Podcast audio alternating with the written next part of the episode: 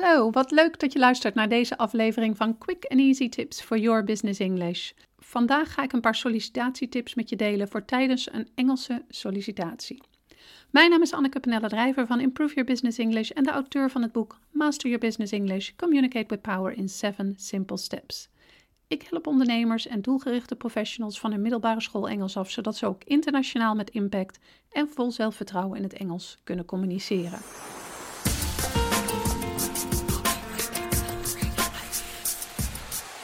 Solliciteren in het Engels. Het gebeurt tegenwoordig steeds vaker en het blijft een interessant onderwerp om informatie over op te doen en tips over te horen.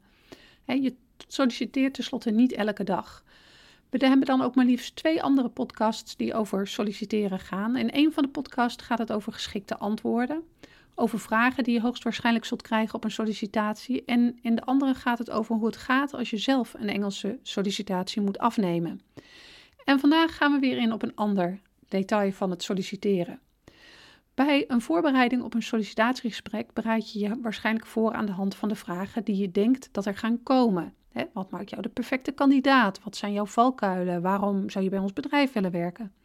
Maar tijdens het bedenken van juiste antwoorden op deze vragen wordt vaak vergeten dat je zelf natuurlijk ook vragen kunt stellen tijdens een sollicitatiegesprek.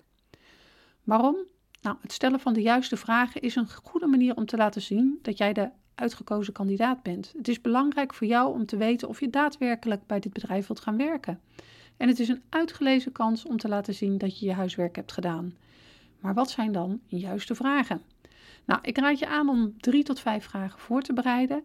Stel er vervolgens niet meer dan drie, dat is voldoende. Maar omdat het zo kan zijn dat een aantal vragen al beantwoord worden gedurende het gesprek, is het altijd handig om er nog een aantal achter de hand te hebben. Dit zijn zeven vragen die je zou kunnen stellen en waarom. Question 1. What skills and experiences would make an ideal candidate? Dit is een mooie vraag om erachter te komen wat de werkgever precies zoekt en om in gedachten je eigen karakter naast de beschrijving te leggen. Komt het overeen met je verwachtingen? door deze vraag kom je erachter of je een realistisch beeld hebt van de baan en of de baan echt iets voor jou is. En daarnaast kan het zo zijn dat de interviewer iets noemt dat jullie nog niet besproken hadden en is dit de kans om daarop in te gaan. Question 2. What is the biggest problem facing your staff? And would I be in a position to help you solve this problem? Deze vraag is de gelegenheid om te laten zien dat je hulpvaardig bent en nadenkt over hoe je een team kan versterken. Bovendien spoor je de werkgever aan om jou in de nieuwe positie voor te stellen, wat natuurlijk ook niet verkeerd is. Question 3. Do you have any hesitations about my qualifications? Ik geef toe, voor deze vraag heb je lef nodig en ik begrijp het heel goed als je deze vraag liever niet wilt stellen.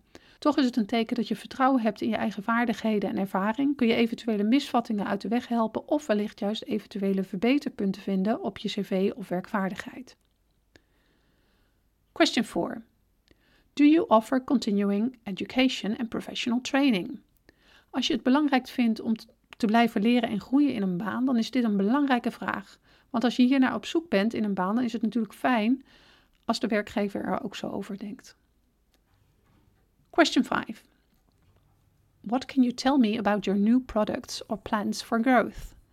Het is wel belangrijk om hiervoor je huiswerk te doen. En natuurlijk een mooie gelegenheid om, als je je huiswerk hebt gedaan, te laten zien dat je hebt verdiept in het bedrijf en de organisatie. Noem vervolgens een nieuw product of een nieuwe dienst om te laten zien dat je op onderzoek uit bent geweest en interesse hebt. Daarnaast is het ook een goede indicatie voor de toekomst van het bedrijf, wat handig is voor jou om te weten als potentiële nieuwe werknemer. Question 6.